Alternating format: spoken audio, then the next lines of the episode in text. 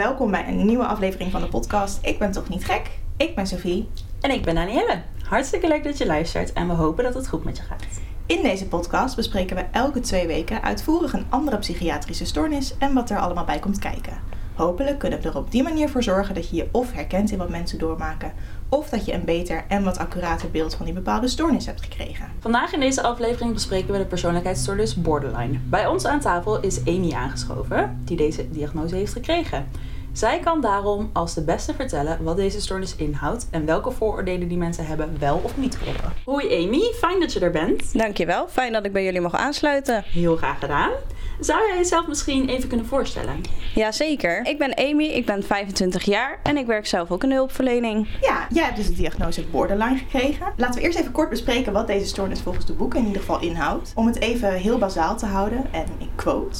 De borderline persoonlijkheidsstoornis is een psychische stoornis waarbij je sterke stemmingswisselingen vertoont, moeite hebt om stabiele relaties te vormen en vaak bang bent om in de steek te worden gelaten. Amy, wat vind jij van deze korte definitie?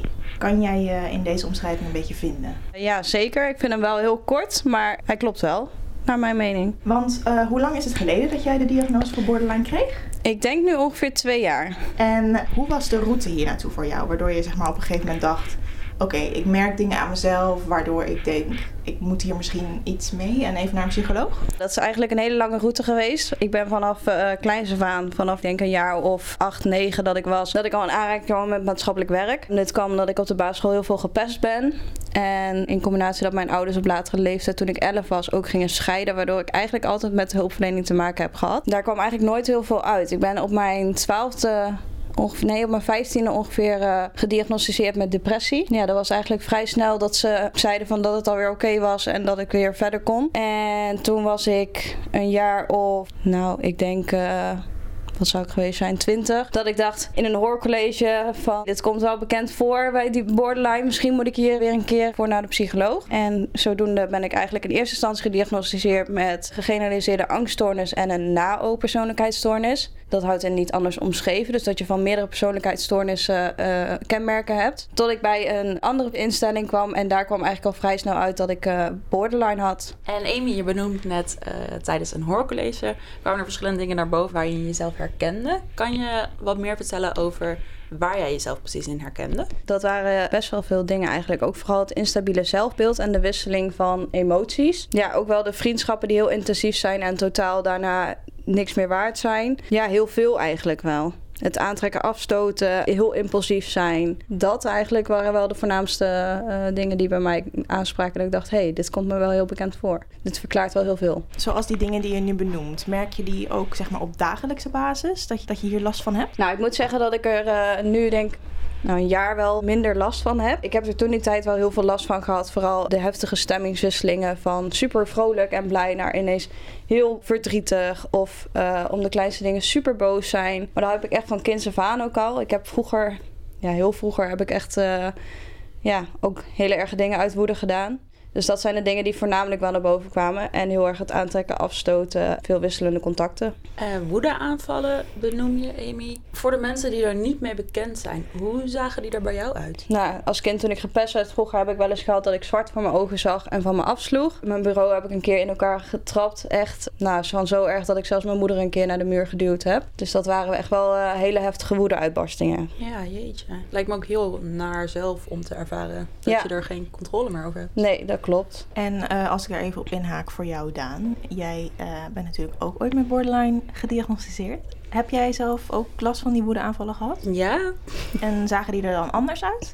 Mm, ik denk niet per se zwart voor mijn ogen. Maar ik denk wanneer het zeg maar op het ergst was, dan sloeg ik wel eens tegen de muur. En ik weet nog één keer, uh, toen had ik, uh, toen zat ik ook best wel in een moeilijke periode. Dan had ik nieuws gehad waar ik gewoon heel erg van overstuur was. En ik wist niet uh, wat ik met mijn emoties aan moest. En toen dacht ik, oké, okay, ik moet een stuk gaan wandelen, want dat helpt. En toen heb ik meerdere keren tegen een boom aangeslagen.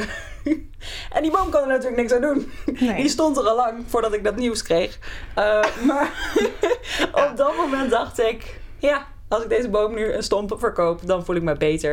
En uiteindelijk had, deed mijn hand echt een week lang pijn. En um, heeft het helemaal niks opgelost. Maar dat omschrijft denk ik wel hoe het, als je echt heel diep in de borderline zit, in je hoofd klinkt dat op dat moment super logisch om te doen. En ja, als ik dit doe, dan helpt dat me. Bijvoorbeeld geld uitgeven heel impulsief. Bijvoorbeeld, ik heb het ook best wel gehad in relaties ehm, of uh, met betrekking tot seks. Dat ik dan dacht, oké, als ik dit doe, dan voel ik me beter. En dat was dan zo logisch in mijn hoofd dat dat zou werken. En dan iedere keer kwam ik weer van een koude kermis thuis. Want ja, dat. Surprise, het werkt niet. Dus ja, wat ik net al zei, uh, Amy, ik weet niet of jij dat herkent of dat je daar aanvulling op hebt. Ja, nee, herken ik zeker. Als ik een hele emotionele bui had waar ik heel verdrietig was, dan uh, ging ik weglopen. Ja, voor mijn gevoel zou dat dan helpen, want dan zou ik begrepen worden. Maar uh, dat is natuurlijk niet wat je daarmee bereikt. want mensen snappen niet waarom loop jij nu weg zonder iets te zeggen. En dat was mijn hele grote, grootste probleem eigenlijk. Ik was heel impulsief en ik dacht dingen ermee te kunnen bereiken die ik totaal niet bereikte. Want mensen begrepen me alleen maar minder. Wat jij ook zei over de seksuele contacten, ja, die herken ik ook heel erg. Want je hebt een instabiel zelfbeeld. De ene keer voel je je heel mooi en de andere keer voel je je helemaal niks waard. En dan denk je door seks met iemand te hebben. Ja, dat is wel die bevestiging. ja, dat je dan toch denkt van, oh, hij vindt me mooi, hij heeft alleen aandacht voor mij. Terwijl dat echt daarna gelijk verdwenen is. En dan voel je eigenlijk nog tien keer zo, zo ja, meer verdrietig. Ja. Dus dat is wel heel herkenbaar. Uh, misschien mooi om te vertellen dat Amy en ik in hetzelfde hoorcollege zaten. Toen wij er allebei achter kwamen dat we best wel veel trekken hebben van borderline. Ja, ja. ja zeker. Dus maar, toen uh, gingen bij jullie allebei een uh, belletje rinkelen. Ja, ik weet nog dat we naast elkaar zaten en dat we dachten... Oh Zie jij dit nou ook? Totdat het belletje ging rinkelen en we dachten... Dit is eigenlijk niet per se om te lachen. Nee, nee. ik denk dat het ook een vorm van borderline is. Dat je heel laks met dingen omgaat. Dat je er maar een grapje van maakt om te nuanceren. Ja. ja, we hadden allebei echt wel dat geld uitgeven. Impulsief shoppen. En dan gingen we weer naar de stad en dan hadden we weer allemaal dingen gekocht. We maakten er altijd grapjes over. Maar dat is denk ik ook om het voor jezelf te nuanceren. Precies. Ik denk ook zeker een copingmechanisme. Van ja. oké, weet je, we weten allebei. Ik bedoel, we zitten allebei in de hulpverlening. We weten allebei dat dit geen, geen gezond gedrag is. Maar ja, we sterkten elkaar daarin denk ik ook een beetje aan. Maar aan de andere kant waren wij wel goede gesprekspartners. Zodat je een beetje kan sparren van oké, hoe ga jij hiermee om? En hoe zouden we dit anders kunnen doen? Ja, en ik denk dat wij elkaar ook wel in toom hebben gehouden. Dat ik heel impulsief ook was met alcoholgebruik. Dat was uh, bij mij ook wel een onderdeel uh, wat met de borderline te maken had. Niet kunnen stoppen met drinken. Ja, je grens niet weten. En zo zijn er nog heel veel dingen. Amy, ik weet dat jij perfectionistisch bent en het lat voor jezelf heel erg hoog legt. Hoe zorgt die alcohol er bij jou dan voor dat remmen eraf gaan? Wat doet dat voor jou? Ja, ik heb van mezelf, dat is vanaf kinds af aan natuurlijk meegenomen. Ja, dat ik heel erg me aantrek van, oh, ze kijken naar me, wat zullen ze over mij denken? Of als ik mensen zie praten en mijn kant op zie kijken, denk ik, oh, ze hebben het over mij. Dat zou vast niet positief zijn. Mhm. Ja, en met alcohol heb je dat niet meer zo door. Dan ben je eigenlijk gewoon zo in je happy bubble en dan gaan die, die, die strenge kant van jezelf gaat eraf. Dus dat was natuurlijk voor mij ook heel fijn. Want dan kon ik op dat moment echt mezelf zijn. Of nou ja... Je ongeremde zelf zijn. Ongeremde zelf, ja.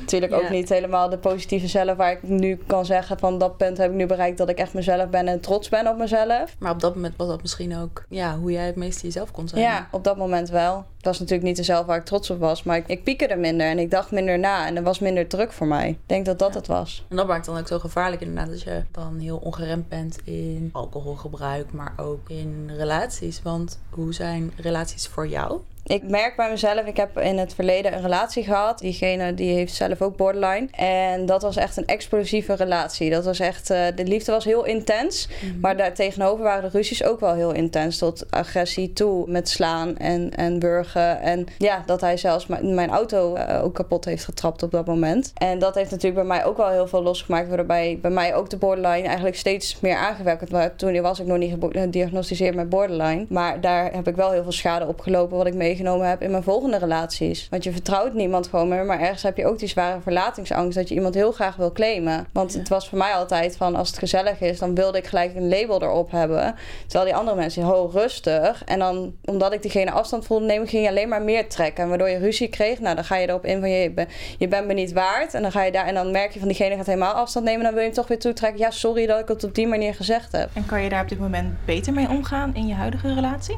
Ja, Absoluut. Ja, er zijn natuurlijk nog wel dingetjes die triggeren. Dat je merkt, oh, dit is zo'n moment, ik doe het weer. Maar dan merk ik bij mezelf al, ik doe het. En dan kan ik dat ook benoemen. Van, oh, dit is weer zo'n momentje. Laat me maar even 10 minuutjes met rust. En dan kan ik er rustig over praten. Maar ik merk dat ook steeds meer ik van mezelf al rustig kan blijven. Een uh, vooruitgang dan. Ja. ja. ja, zeker. Ja. ja, want ik herken inderdaad de verhalen die je natuurlijk hebt verteld. Van wanneer iemand eigenlijk aangaf dat hij heel erg gek op je was, dan dacht jij eigenlijk meer: oh, maar dit is niet de bedoeling. Ja, ook, ja. ik moet hier juist voor, voor vechten. En wanneer degene dan, dan dacht: nou, oké, laat maar dan. Dan dacht Amy: hey, maar hier kan ik wel mee. Ja, ja. Wanneer het voor mij inderdaad te makkelijk ging, was ik er ook vrij snel klaar mee. Maar zodra diegene er dan klaar mee was, dan was het voor mij niet klaar. Nee. Dus het was echt, ja, dat aantrekken, afstoten heel erg. En dat heb ik in het begin van mijn huidige relatie ook wel gehad. Maar niet meer in die mate dat ik echt door bleef zeuren. Dus als iemand me geblokkeerd had, ik op alle manieren ging bedenken, bedenken van... Oh, daar kan ik hem nog mee bereiken. Mm, ja. En herken jij dit ook, Daan? Ja, ik herken het zeker. Ik uh, ben echt uh, de koningin van de hele korte, maar intense relaties tussen zaakjes. Want ik denk dat ik voor mijn ex, waar ik best wel lang mee samen ben geweest, heb ik alleen relaties gehad van nou ja, uh, max drie maanden, denk ik ongeveer. En daarin was het precies hetzelfde. Als iemand mij dan leuk vond, dan uh, dacht ik, ja, ik kan hier niet zoveel mee. En dit is te makkelijk. Um, en wanneer iemand me niet leuk vindt of ik er heel veel moeite voor moest doen, dan merkte ik dat ik juist er heel erg in, in ging investeren. Wat natuurlijk hele ongelijkwaardige relaties oplevert. Maar in mijn uh, langste relatie, dat was het dus ook, zeg maar. Ik word ook mm, bijna nooit verliefd op mensen. Omdat dat heeft denk ik ook heel erg te maken met inderdaad verlatingsangst, zelfbescherming. But when I do, it's a really intense.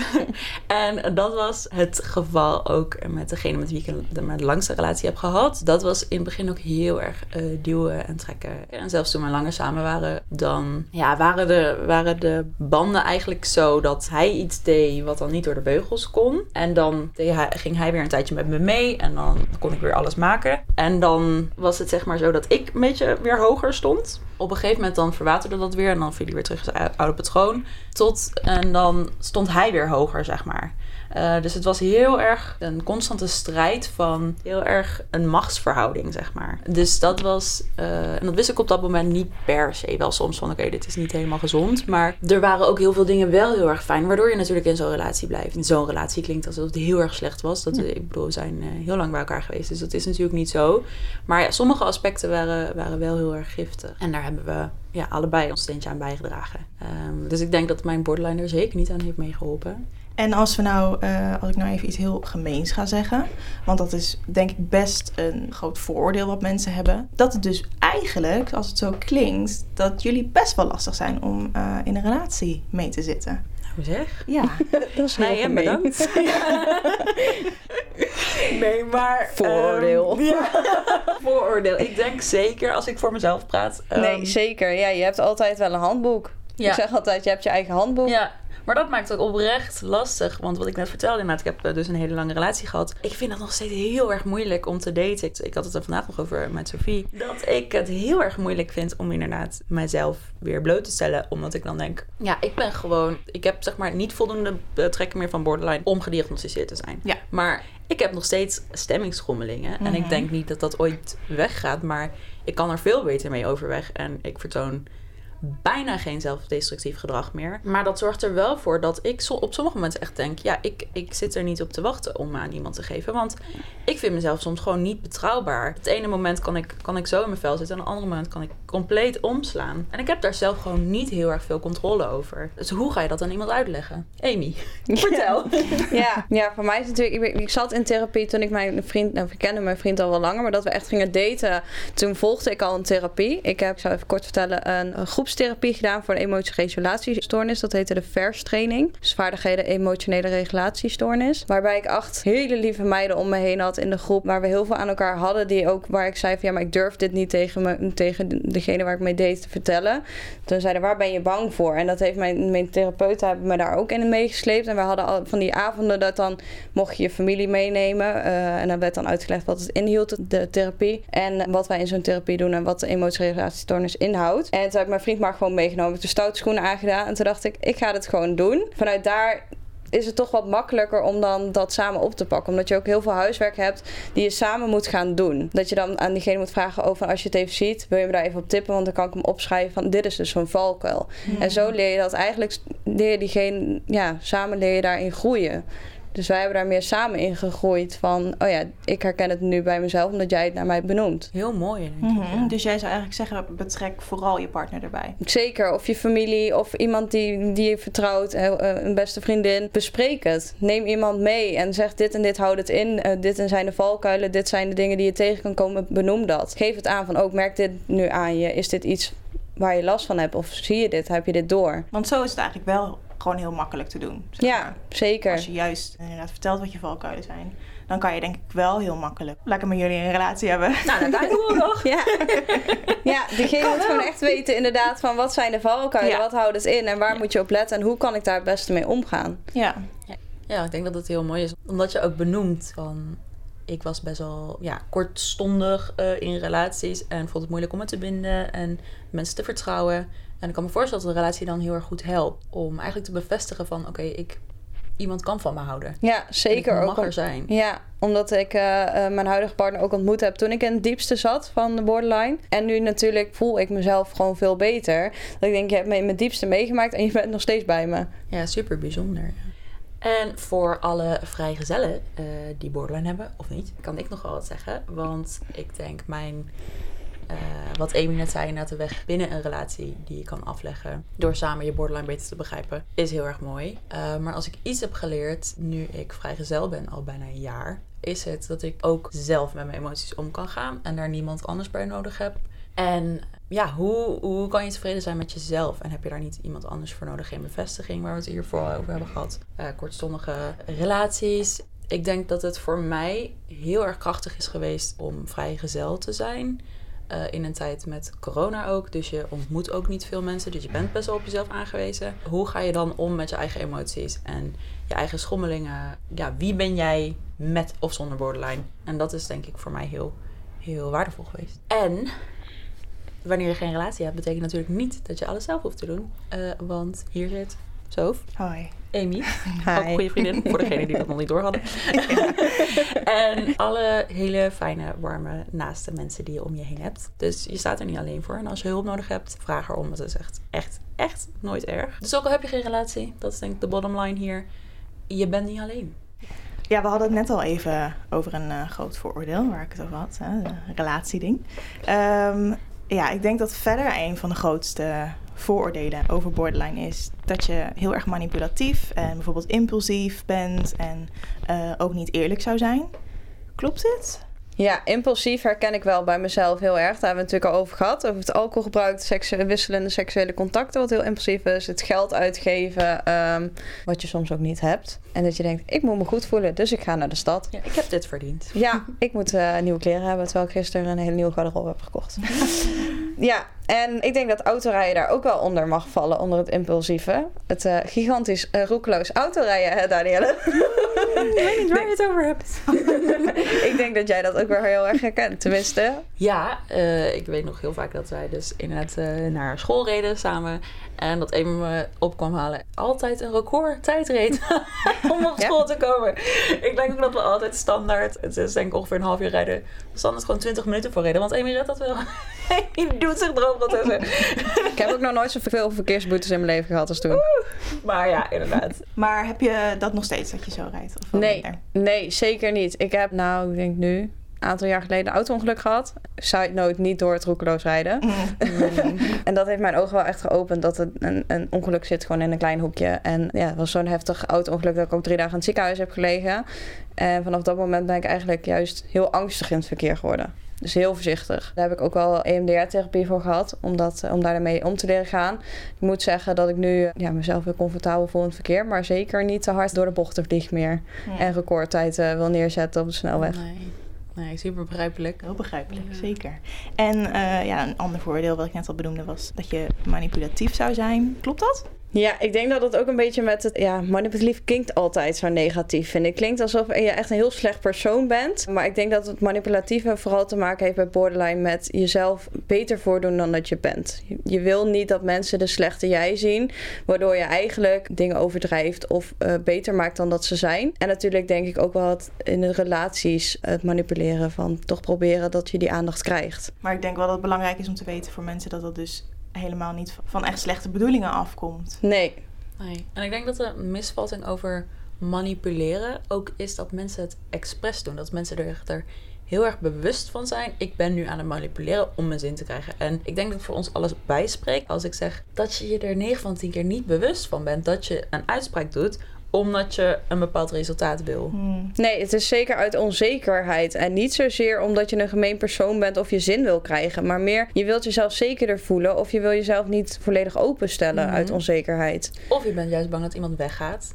Ja, En dat je daarom bepaalde dingen zegt. Ja, en dan eh, het laatste vooroordeel wat ik benoemde, het niet eerlijk zijn. Ben jij eerlijk?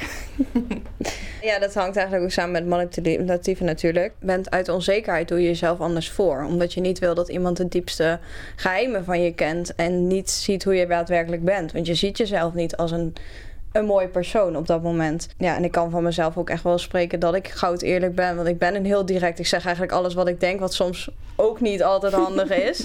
Maar je weet wel wat je aan je hebt. Ja, ik ben eerder direct dan dat, dat, dat ik echt zware leugens vertel. Ja. Dus meer inderdaad dat je dan dingen af wil vlakken om eh, jezelf te beschermen. En ik denk ook dat het bij ons, als ik het zo mag zeggen, meer draait om veiligheid. Dat wanneer je je niet veilig voelt bij iemand, dat je dan dus niet helemaal eerlijk tegen diegene bent. En dat het dan niet per se te maken heeft met jou, maar de situatie waar je je in verkeert. Ja, Is dat dan veiligheid of gewoon een comfortabel gevoel hebben bij iemand? Van, oh, ik voel me gewoon niet op mijn gemak. Of is het echt... ik denk ook een, een vorm van wantrouwen. Dat je eh, bang bent dat degene, als jij eerlijk bent over je diepste geheimen... of in ieder geval over je slechte zelf op dat moment... dat mensen daar een loopje mee gaan nemen. Dat mensen dat, dat aanpakken om over te roddelen, om het zo te zeggen. Ja, precies. Dus in die zin dan inderdaad meer veiligheid dan je comfort. Want je kan je bij heel veel mensen comfortabel voelen. Ja. Maar je veilig voelen, ik denk vooral bij mensen met borderline, is die veiligheid heel erg belangrijk om je te kunnen ontwikkelen. En om, dat klinkt een beetje zweverig, maar om je beste zelf te kunnen zijn. En je niet, wat Amy net al benoemde, dat je je dus niet anders hoeft voor te doen om, om beter te lijken. Ja. Ja, en heb, heb jij zelf nog eh, voorbeelden van vooroordelen of misvattingen die bestaan over borderline die jou belemmeren? Ja, ik heb zelf nog wel echt wel een vooroordeel dat mensen zeggen... mensen gaan je anders behandelen als ze dit weten. Ik heb meerdere keren dat ik het mensen verteld had... en die zeiden ik zou het niet tegen iedereen zeggen... want iedereen gaat jou anders behandelen, daardoor anders zien... en gaan alles in twijfels trekken wat je doet en wat je zegt. Ja. Ja. naar om te horen, denk ik. ja, en ik denk een ander vooroordeel wat ik in mijn werk heel veel hoor... of tenminste gehoord heb in mijn vorige werk... de typische borderliner, degene die zichzelf snijdt... poging tot zelfmoord doet. Dat vind Ja. ik ook echt wel wat veel mensen naar boven laten komen... wat een typische borderliner is. Ja. Maar het is, de, nou ja, je hebt de podcast gehoord. Het is meer dan, dan alleen dat. En ik denk dat een ander vooroordeel wat ik hem ook wel vaak heb gehoord... is mensen met borderline... Een, eigenlijk een andere benaming is een aandachtstoornis. Tenminste, die heb ik ook wel eens voorbij horen komen... dat mensen met borderline heel graag aandacht willen en gezien willen worden. Daar ben ik het niet mee eens. Want aandacht trekken... Iemand met borderline vraagt aandacht om begrepen te willen worden. Omdat hij het gevoel heeft... niemand begrijpt mij. En ik wil dat iemand mij begrijpt. En ik wil een beter gevoel over mezelf krijgen. En niet zozeer omdat ze in het middelpunt van belangstelling willen staan. Zelf heb ik daar echt een hekel aan aan presenteren en in het middelpunt staan. Maar het is meer van die één op één aandacht die je op dat moment nodig hebt om de bevestiging te krijgen. Je mag er zijn. Je bent een goed persoon. Je, ik vind je grappig. Ik vind je leuk. Dus het is niet zozeer van ik wil in het middelpunt van de belangstelling zijn en aandacht. Maar een bevestiging en begrepen willen worden. Ja. ja. En merk jij dan ook eh, van als mensen dan tegen jou zeggen van oh nou, ik denk misschien dat eh, mensen jou heel anders gaan behandelen. Heb je daar ook wel ervaring mee dat mensen dat inderdaad gedaan hebben? Niet zozeer denk ik over het borderline. Dat het dat toch wel een periode was dat, dat bij mij naar boven kwam. Dat ik een streep door heel veel dingen in mijn leven heb gezet. Een nieuw begin heb gemaakt. Maar daarvoor wel als, als ik iets zei van ik ben depressief of ik, ik heb hier last van. Dat mensen daar toch wel anders. Oh nee, je hebt dit. Dus dan wil ik geen vrienden zijn. Oh, Ja, jeetje. ja en natuurlijk dat mensen ook tegen mij gezegd hebben van toen ik zei van nou ik heb een borderline, ik ben daarvoor in therapie. Dat mensen natuurlijk ook tegen mij zeiden van ik zou dit niet tegen iedereen zeggen. Dus dan wordt maar weer eens bevestigd van... Ja, kan me voorstellen dat wanneer je de diagnose krijgt, dat is ook uit eigen ervaring, dat je dus al superveel stel, zelfstigma hebt. Nu ben ik de borderliner. Ja. En dat mensen in je omgeving dat dan ook nog eens gaan bevestigen. Van, nou meid, ik zal het niet tegen iedereen zeggen, want hè. En dat is dan ook het, het want hè, puntje, puntje, Mm. puntje, vul maar in. En dan denk ik, wat denk je, wat denk je dat, dat omdat ik borderline heb, dat ik ineens een psychopaat ben? Ja, of anders ik- ben dan dat je me eerder kende voordat ik het nu Precies. heb uitgesproken. Precies. En ik vraag me ook ergens af dat ik denk, als je zou zeggen dat je een andere stoornis hebt of je bent depressief, krijg je dan dezelfde reactie? Of mag dat er wel zijn en waarom mag borderline er dan niet zijn? Precies. Ik denk dat dat inderdaad heel erg samenhangt met. Ik denk dat mensen denken bij bijvoorbeeld depressie. Oh, daar kan iemand zelf niks aan doen. En dat is precies hetzelfde voor borderline. Maar op de een of andere manier denken mensen bij borderline... Oeh, diegene Mhm. doet dat allemaal bewust en die manipuleert en die liegt en die gebruikt mensen omdat ze dat graag willen. En ik denk dat dat echt de grootste misvatting is. Mensen met een depressie kunnen er net zo min iets aan doen als mensen met borderline. Ja, Ja. zeker. Je kiest er niet voor om borderline te krijgen of te gediagnosticeerd te worden met borderline. Je maakt dingen in het verleden mee waardoor dat tot uiting komt en waardoor je die stoornis ontwikkelt. Ja, het verschil zit dan denk ik echt inderdaad in de vooroordelen bij de verschillende psychiatrische stoornissen. En dan waarom de een dan heel anders wordt gezien als de ander, dat, eh, dat weet ik ook niet. Maar daarom is het denk ik des te beter dat we ja, hiermee bezig zijn steeds. Ja. Ja, laten we richting de afronding gaan. Stel nou dat je iedereen die borderline heeft, eh, dat je die nu zou kunnen toespreken. Wat zou je dan tegen hen willen zeggen? Ja, wat mij heel erg geholpen heeft, is de therapie en ook de bevestiging dat dat borderline eruit kwam, waardoor er gericht een behandeling gestart kon worden. Waarbij ik natuurlijk een groepsessie heb gedaan met acht fantastische meiden die precies hetzelfde voelden en precies hetzelfde meemaakten, waardoor je je ook begrepen voelt. Niet alleen voelt therapeuten die daar goed in ondersteunen door van elkaars ervaring te leren. Hoe heb jij dat opgepakt? Hoe heb jij dat toen zo gedaan? En heel veel dingen bij jezelf herkennen. Doordat je ze bespreekt met therapie. Van, oh, dat ligt dus daar aan. Wat kan ik dan doen? Je gaat echt een handboek voor jezelf maken. En dat heeft mij heel erg geholpen. En nu ik er ja, twee jaar verder ben eigenlijk... kan ik zeggen dat ik er nu wel ben. Ik ben voor mijn gevoel een heel sterk persoon hierdoor geworden... omdat ik weet wie ik precies ben. Wat ik nodig heb en wat ik leuk vind. Dat ik niet andere mensen nodig heb. En het liefst zit ik nu juist als een huismusje op de bank... mezelf heerlijk te vermaken. En hoeft het voor mij niet allemaal meer eh, heel sociaal in de discotheek. Ik moet er niet eens aan denken om nu weer tussen de, de drukte te bevinden. ja. Ja, Ik denk dat dat vooral zegt van, omdat je nu zegt, ik ben eh, liever een huismusje en het hoeft wel, maar die drukte en die sociale, extreme sociale contacten extreem hoeft niet meer. Ja. Ik denk dat dat meer zegt over wat jij hiervoor dus benoemde, van ik eh, was ongeremd. Ja. Ik deed alles heel extreem en dat hoeft voor jou nu niet meer. En ik denk dat dat een hele mooie vooruitgang is. Nee, en ik kan met mezelf leven en ik mag er zijn. En ook ik mag zeggen, ik loop hier tegenaan. Of ik mag ook fouten maken. En ik schaam me daar niet meer voor, waar ik voorheen heel erg schaamde. En zou je dat dan ook eh, willen adviseren inderdaad aan mensen? Van schaam je er vooral niet voor? Ja, ik zou dat wel al- willen adviseren. Al is het wel makkelijker gezegd dan gedaan natuurlijk. Daar groei je in samen met je netwerk en ook je therapie die je daarin volgt. En dat is zeker een aanrader van ga er hulp voor zoeken. En ga zo'n groepstherapie aan. Ook al klinkt het voor sommige mensen echt... Ik vond het ook tien keer niks toen ik eraan begon. Dat ik tegen Danielle zei, ik voel me net zo'n psychopaatje die in zo'n groep zit. Hallo! ik ben Amy en ik heb borderline. Ja, maar dat is het totaal niet. Nee. Nee, het is echt heel mooi om elkaar. Ja, niemand om jouw omgeving kan je eigenlijk begrijpen. En dat moet je die mensen niet kwalijk nemen, want die voelen niet wat jij voelt. En die mensen in, jou, in je groepstherapie, die voelen precies wat jij voelt. En daar haal je zoveel meer uit en steun uit dat je denkt: ik ben niet alleen. En je had het dan net inderdaad voor de mensen om, mensen met borderline heen, die kunnen het gewoon niet zo goed begrijpen. Dus wat voor tips zou jij zeg maar hebben voor mensen die iemand in eh, hun omgeving hebben die borderline hebben? Ja, luister en vraag wat diegene nodig heeft, wat diegene fijn vindt. En veroordeel vooral niet of ga niet pushen. Zeg niet je moet nu dit doen, maar vraag wat heb je nou nodig. Sluit bij diegene aan en luister naar diegene. Probeer diegene te begrijpen, ook al begrijp je diegene niet, probeer het. Want we hadden het de vorige keer afle- eh, in de vorige aflevering ook al over dat iemand compleet aan de persoon met borderline voorbij ging.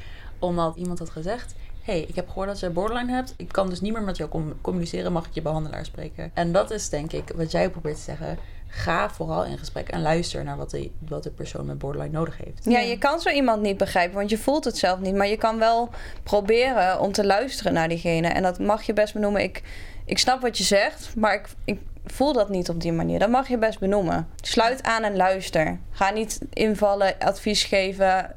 Vooral niet doen. Ga niet vanuit goede bedoeling adviseren, maar luister naar en vraag wat die persoon nodig heeft. Super mooi om te horen in ieder geval dat je nu door de behandeling niet meer die zelfdestructieve gedragingen nodig hebt om met je emoties om te gaan. Want volgens mij gaat dat echt super goed nu. Ja, zeker. Dat kan ik vol eh, 100% ja beantwoorden.